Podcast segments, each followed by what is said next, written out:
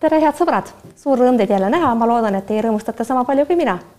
mul on täna suurepärane võimalus ajada juttu Jaanus Karilaiuga, Keskerakonna aseesimehega ja Riigikogu liikmega, et arutada Keskerakonnaga seotud aktuaalseid küsimusi, muuhulgas erakonna reitingu langus ja sellega seotud kriminaalasjad. tere tulemast, Jaanus Karilaid! tervitus! kui me teiega viimati kohtusime Postimehes, see oli üks mälestusväärne kohtumine, meil oli mõlemal väga põnev ja see oli väga meeleolukas, loodan, kõik inimesed mäletavad seda, siis te väitsite, et teil on väga uhke tunne minna EKRE-ga koalitsiooni. kui palju sellest uhkusest on tänasest, tänaseks järele jäänud? kui iga suhe, mis saab läbi, on mõnes mõttes ka kurb ja Isamaa ja EKRE-ga tehtud koalitsioon, siis äh, kaks tuhat üheksateist kuni äh, kakskümmend üks, selle ajaga sai ikkagi väga palju häid asju tehtud, nii et mul on, mul on komme võtta kaasa ikkagi positiivne. me tegime tegusid, me tegime otsuseid, me võtsime riigilaenu, me investeerisime ja, ja mina kui Haapsalu volikogu esimees vaatan läbi tõsiasjade, läbi faktide, kuidas ma saan toimetada koos linnavalitsusega ja keskvalitsusest oli väga palju abi. Nii et ma vaatan EKRE ja Isamaa koalitsiooni ikkagi positiivselt, aga järelikult see koostööformaat sai läbi sel ajahetkel, oli unistus teha seda neli aastat, seda koostööd. see ei täitunud, seal on palju erinevaid põhjuseid. ja, ja täna on meil siis äh, uus koostööformaat Reformierakonnaga, eks näis, kuidas see läheb ma saan aru, uhkustundest ei ole järel just kuigi palju, kui te soov, kuigi sooviksite rõhutada positiivset, kuid ähm, miks ma sellest uhkustundest räägin? Äh, Jüri Ratas, Keskerakonna esimees ja eelmine peaminister pidi ikkagi selle koalitsiooni pärast ja selle konkreetse erakonna tegude ja väljenduste pärast korduvalt vabandust paluma. kui uhkustundega oleks kõik korras, siis ei oleks ju sellist asja tarvis olnud, aga ometi oli, miks?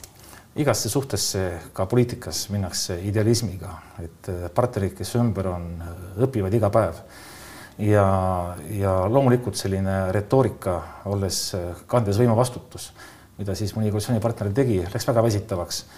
ja arusaamatu oli see, et, et miks peab oma liitlaste õuel käimas neid solvamas ja, ja nende elu korraldamas, nii palju kui, nii palju probleeme, mis on Eestis, vajasid tegelikult keskendumist ja pühendumist teades ka ajakirjanike meelsust, kes võtsid hea meelega igast valest lausest kinni, mida siis mõni EKRE poliitik tegi.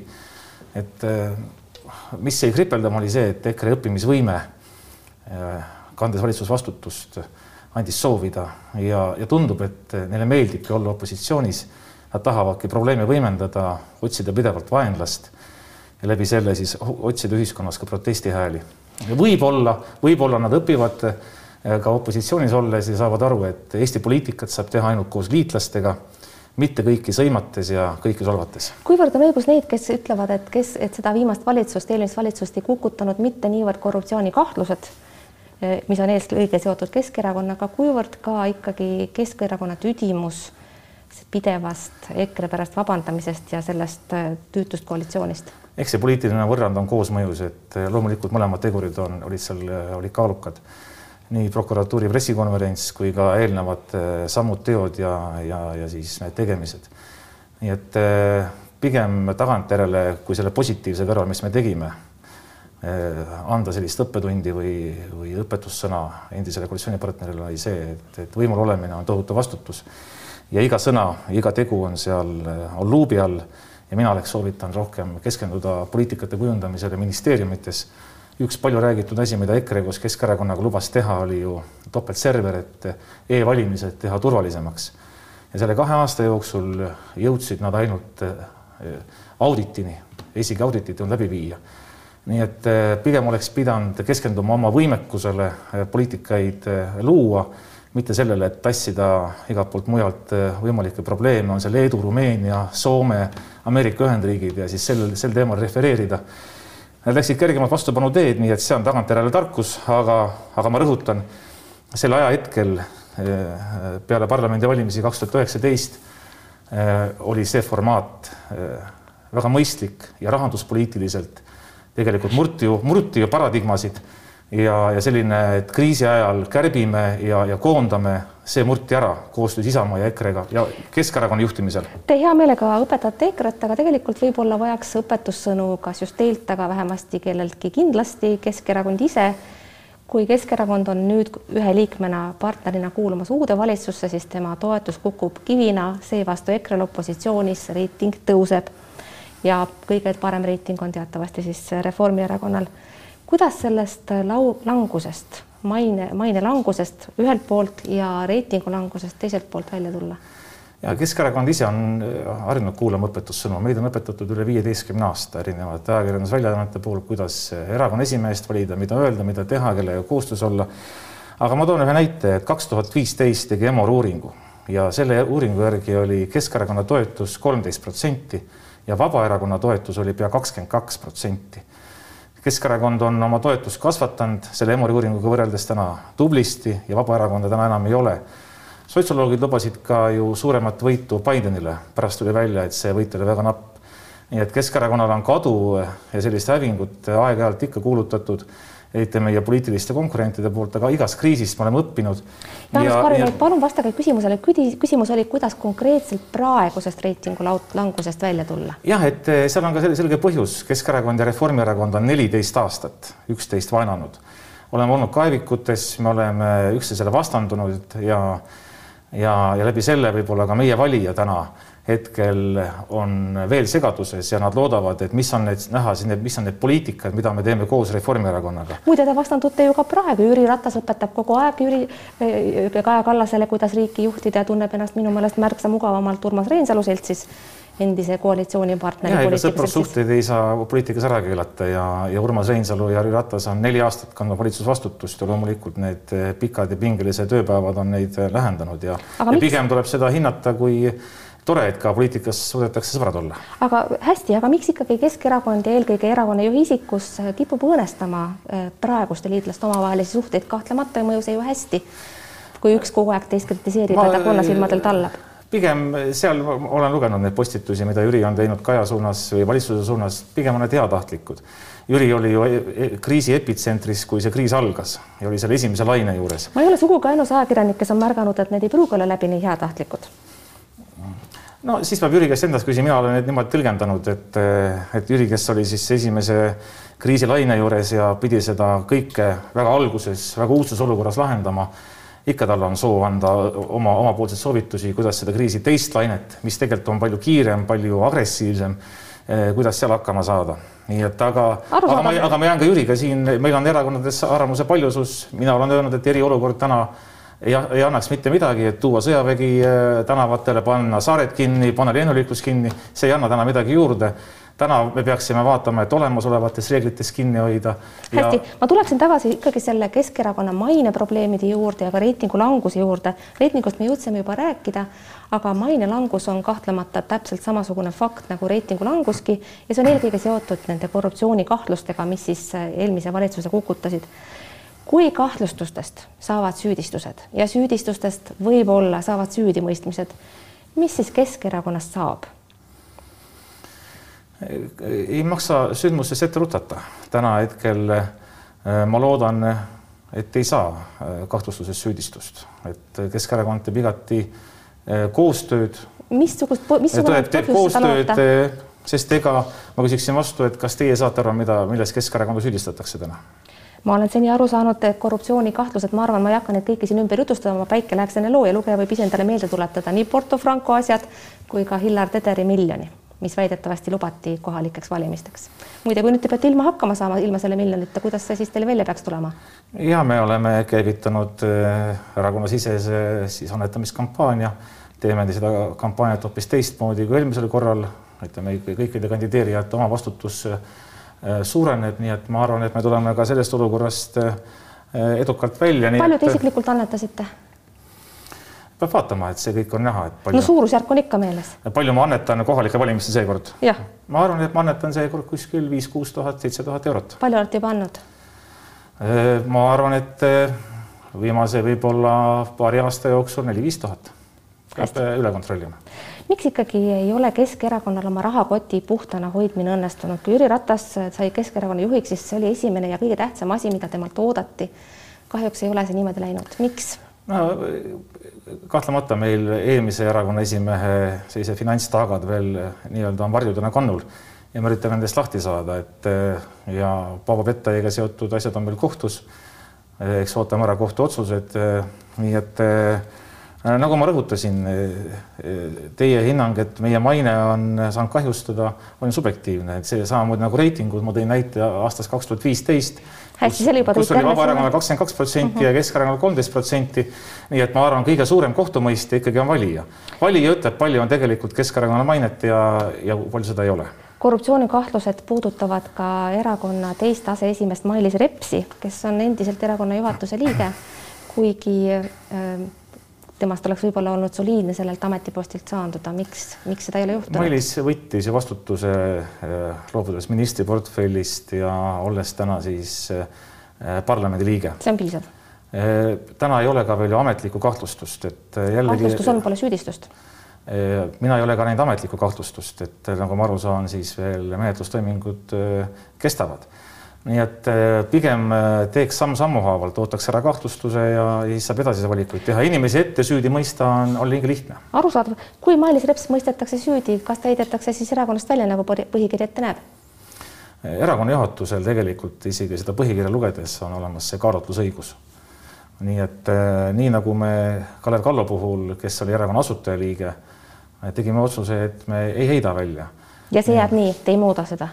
Äh, ma arvan, et me oleme see otsuse teinud, et äh, Kalev Kallo, kes on väga palju panustanud erakonna arengusse, on erakonna asutus, asutaja liige, siis juhatus on sellise äh, hoiaku võtnud täna, jah räägime paar sõna kohalikest valimistest. EKRE on väga selgesti mõista andnud, et ta pak-, kavatseb teile pakkuda rivaliteeti Ida-Virumaal, Narvas ja Kohtla-Järvel, teisteski paikades mida on teil pakkuda venekeelsele valijale, arvestades seda, et te viskasite ta tegelikult juba EKRE-ga koalitsiooni minnes suuresti üle parda. teiselt poolt tuleb silmas pidada, et praeguse valitsuse liikmena on teie sõnum Ida-Virumaale, me hakkame kaotama teie töökohti, ma pean siis silmas rohepööret, milles tänased koalitsioonipartnerid on kokku leppinud vaadates, kui palju tuleb vahendeid lähima viiekümne aasta jooksul Ida-Virumaale siis äh, seal on äh, selged äh, poliitikad, mis aitavad Ida-Virumaa tulevikku ja töökohti hoida. ja, ja kindlasti vastava valdkonna ministrid ka räägivad need siin lähipäevadel või lähiaegadel lahti. ja vaadates tõsiasju, et kui me oleme Narvas alles volikogu esimees Tatjana Stolfat liitus Keskerakonnaga Jõhvis on täna Keskerakonna käes nii vallavanema positsioon, volikogu esimehe positsioon, samuti Kohtla-Järvel, Sillamäel kui me vaatame selliseid tõsiasju, siis Keskerakonnal Ida-Virumaal on äh, väga tugevad äh, positsioonid.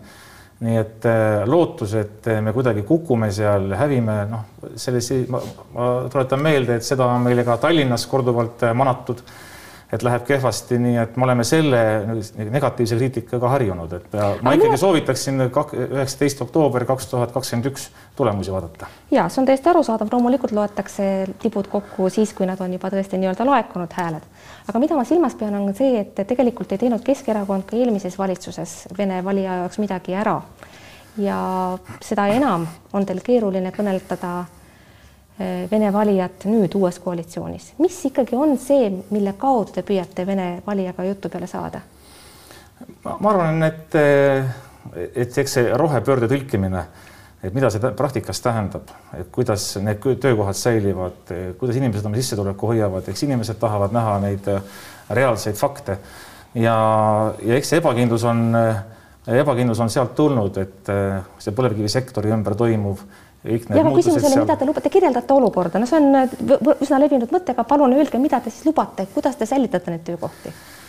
ja, ja me, kui me räägime vene, vene kogukonnast, siis ma arvan, et võib-olla kogu selline poliitika kontekst peab ka muutuma, et selline vastandumine, mida te tahate lubada Eesti inimestele, mida Vene inimestele, peaks vaatama tervikuna. erakorraline pensionitõus, mis tuleb, oli eelmine aasta või eelmine aasta ja me suure tõenäosusega tuleb, tuleb ka järgmine aasta. see on kõigi Eesti inimeste jaoks, et et selline pidev äh, vastandumise otsimine, et mida te teete siis äh, vene inimese jaoks, mida te teete Eesti inimese jaoks. Teie ise, teie erakond on seda vastandamist toetanud. mina, mina, mina isiklikult olen, mina isiklikult alati olen soovitanud seda, seda vältida ja pigem need kõik need programmid, mida teevad siis erinevad ministeeriumid, nad peaks vaatama Eesti ühiskonda ühtse tervikuna, mitte pidevalt tooma siin gruppe välja, mida me teie jaoks teeme, mida me teie jaoks ei tee ja see pigem on, on libe tee. hästi, vastust siit ei tulnud, aga olgu. ma vaataksin natuke teie minevikku, et näidata ka seda ja püüda ise mõista, mis mees te õigupoolest olete kui te olite, kui Keskerakond oli valitsuses EKRE Isamaaga, siis teie olite see inimene, kes pidevalt esitas märksa ekremaid seisukohti kui EKRE ise, olite paavstim kui paavst. Ehm, millal see õigupoolest juhtus, et te hakkasite tundma, et teid häirivad äh, homoseksuaalsed inimesed ja sisserändajad ehk siis kõik need ühiskonnagrupid ja klassid, mis ajasid vihale EKRE-t, millal see teiega juhtus? ma ütlen, see on, see on väga huvitav hinnang, et mind ei ole kunagi äh, midagi ärritanud või, või häirinud, et äh, ma olen pigem, pigem ühiskonnas proovinud sallivust näha ja, ja. Te olete pigem... sõnavõttu võtnud nii moslemite vastu kui ka homoseksuaalsete inimeste vastu, olete väga selgesti väljendanud, et teile ei meeldi kooseluseadus ja olete ka no, võtnud sõna LGBT kogukondade vastu. pigem positiivsem programm, et äh, ma olen selle poolt, et abielu peaks olema mehe ja naise vahel.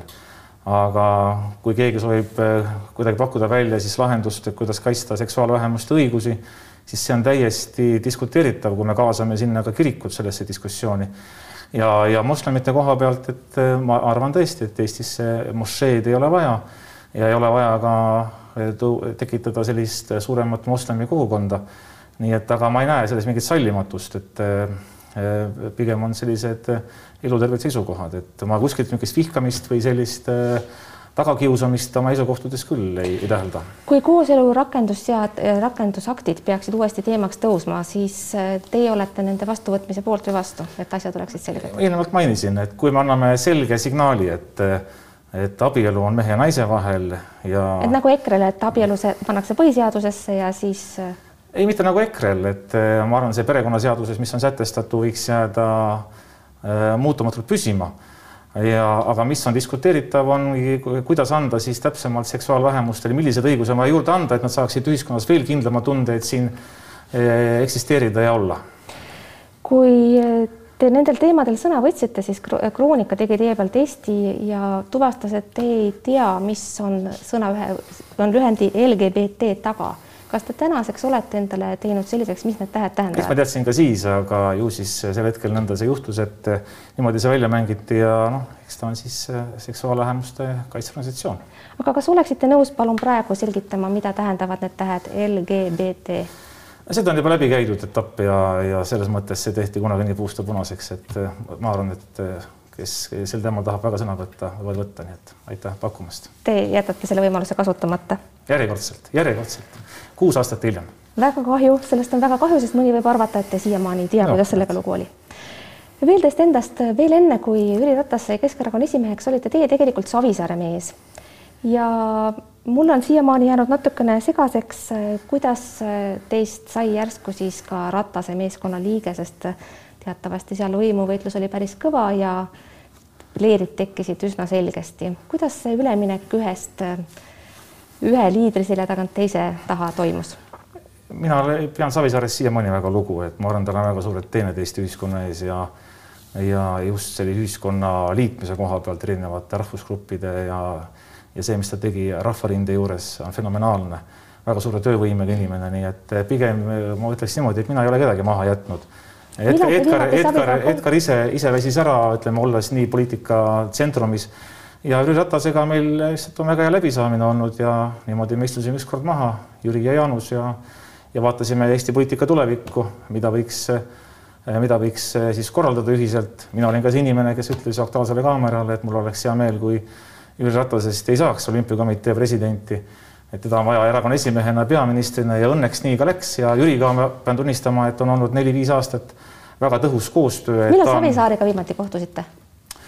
võib-olla paar aastat tagasi, et täpselt ei, ei mäletagi, et ega me väga tihedalt enam ei suhtle, et aga, aga ma tema rolli hindan kõrgelt, jah. millega seletada seda, et teised eh, Keskerakonna juhatuse liikmed on siiski saavutanud väga tugevad positsioonid, eh, kas siis valitsuses või näiteks Mihhail Kõlvart linnapeana ja Yana Toom Europarlamendi liikmena.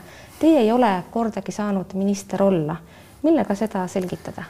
Jüri Ratas on mulle pakkunud kaks korda tulla valitsusse ministriks ja palun olge hea, öelge, mis aastatel need, need, see oli ja no, missugust ministrikohta pakuti? viimane kord pakuti äh, võimalust tulla siseministriks.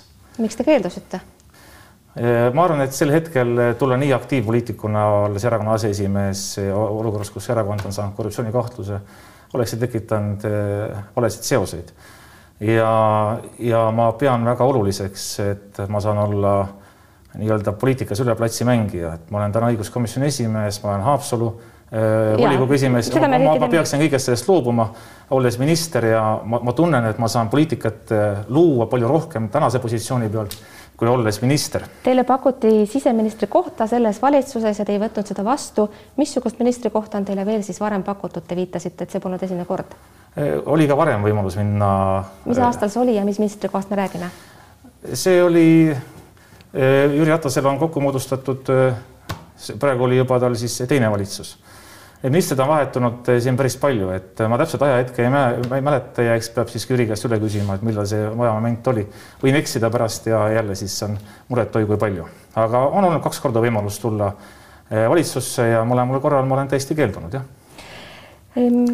Te tahate teha poliitikat teistel viisidel, kuid kas võib nende keeldumiste taha ka näha teatavat kahtlemist oma kompetentsides? Seda võib võtta alati, kui soovitakse võtta enesekriitikana, siis miks mitte, aga mul ei ole pigem eh, olnud see mitte kaalutlus, et antud juhul ma oleks kuidagi väga enesekriitiline olnud, ma rõhutan, et need positsioonid, mis täna on, ma näen, et ma seal saan palju kasulikum mulle erakonnale ja, ja ma tunnen, et ma, mul on ka piisavalt palju aega olla siis ka pere juures.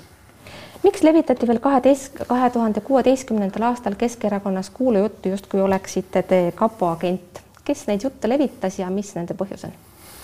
eks see oli erakonnasisese võimuvõitluse üks, üks viise võib-olla kuidagi siis enne erakonna kongressi anda mingisuguseid signaale meie delegaatidele. jah, mul on ka see meeles, et sellised jutud käisid aga kes seda tegi, mis motiividel, ma ei ole seda enda jaoks lõpuni selgeks teinud. tahaksin kiiresti veel saada vastuseid paarile päevapoliitilisele küsimusele. Reformierakond, eriti justiitsminister Maris Lauri võtavad sõna vaenukõne kriminaliseerimise asjus ja valmistavad ette vastavat eelnõud. missugune on teie seisukoht, kas vaenukõne vajab kriminaliseerimist? jah, see korra oli meil õiguskomisjonis, et ma küsisin ka eelnõu ettekandja käest, Kaja Kallase käest, et millist probleemi me täpsemalt lahendame, et ta võiks tuua eh, mõne ühiskonnas mõne näite, et kui see eelnõu oleks olnud vare, varasemalt juba vastu võetud, et millist probleemi oleks ära hoidnud või lahendanud. Ja sel hetkel ei, ei osatud tuua seda näidet, võib-olla nüüd on aeg edasi läinud ja Maris Lauri justiitsministrina siis toob ka praktilisi näiteid, et mida me lahendama, mina olen ka öelnud, et ma suhtun sellesse eelnõusse väga ettevaatlikult et ei tekiks ühiskonnas hirm, et kuidagi debatti surutakse alla ja arvamuste erisus surutakse ära nii et ma ootaksin kaalukamaid argumente ja kui need kaalukamad argumendid tulevad, siis ma olen ka nõus oma positsioone muutma. täna hetkel ma olen pigem skeptiline. hästi, teine, mille kohta tahaksin vastust saada, on seksuaalse enesemääramise iga, mis on siis seotud praeguste Nõmme Kalju juhtumiga väga teravalt jällegi päevakorral ja tegelikult on see jutuks olnud ka varem. missugune on teie seisukoht, kas seda neljateistkümne eluaasta piiri tuleks tõsta või ei peaks seda mitte tegema? ma kohe jõuan sinna, kahekümne kolmandal märtsil on õiguskomisjonis prokuröride, kohtunike ja ka vastavat huvi rühmade ärakuulamine. vaatame, kuidas, miks siis kriminaalseadustiku näiteks paragrahv sada nelikümmend kolm, ülalõikega kaks ei ole piisavalt äh, kas rakendunud või mis annab ka võimaluse tegelikult täna siis äh, kuni kaheksa aastase äh, vanglakaristusega inimest karistada, kes vaba tahte vastaselt manipuleerib. aga, aga täna ma arvan, et ühiskonna konsensus on, tundub ka erakondade vahel piisavalt suur, et tõsta seda neljateistkümne hea piiri kõrgemale jah, ma saan aru, te siis pooldate seda. mina pooldan jah. pigem pooldate.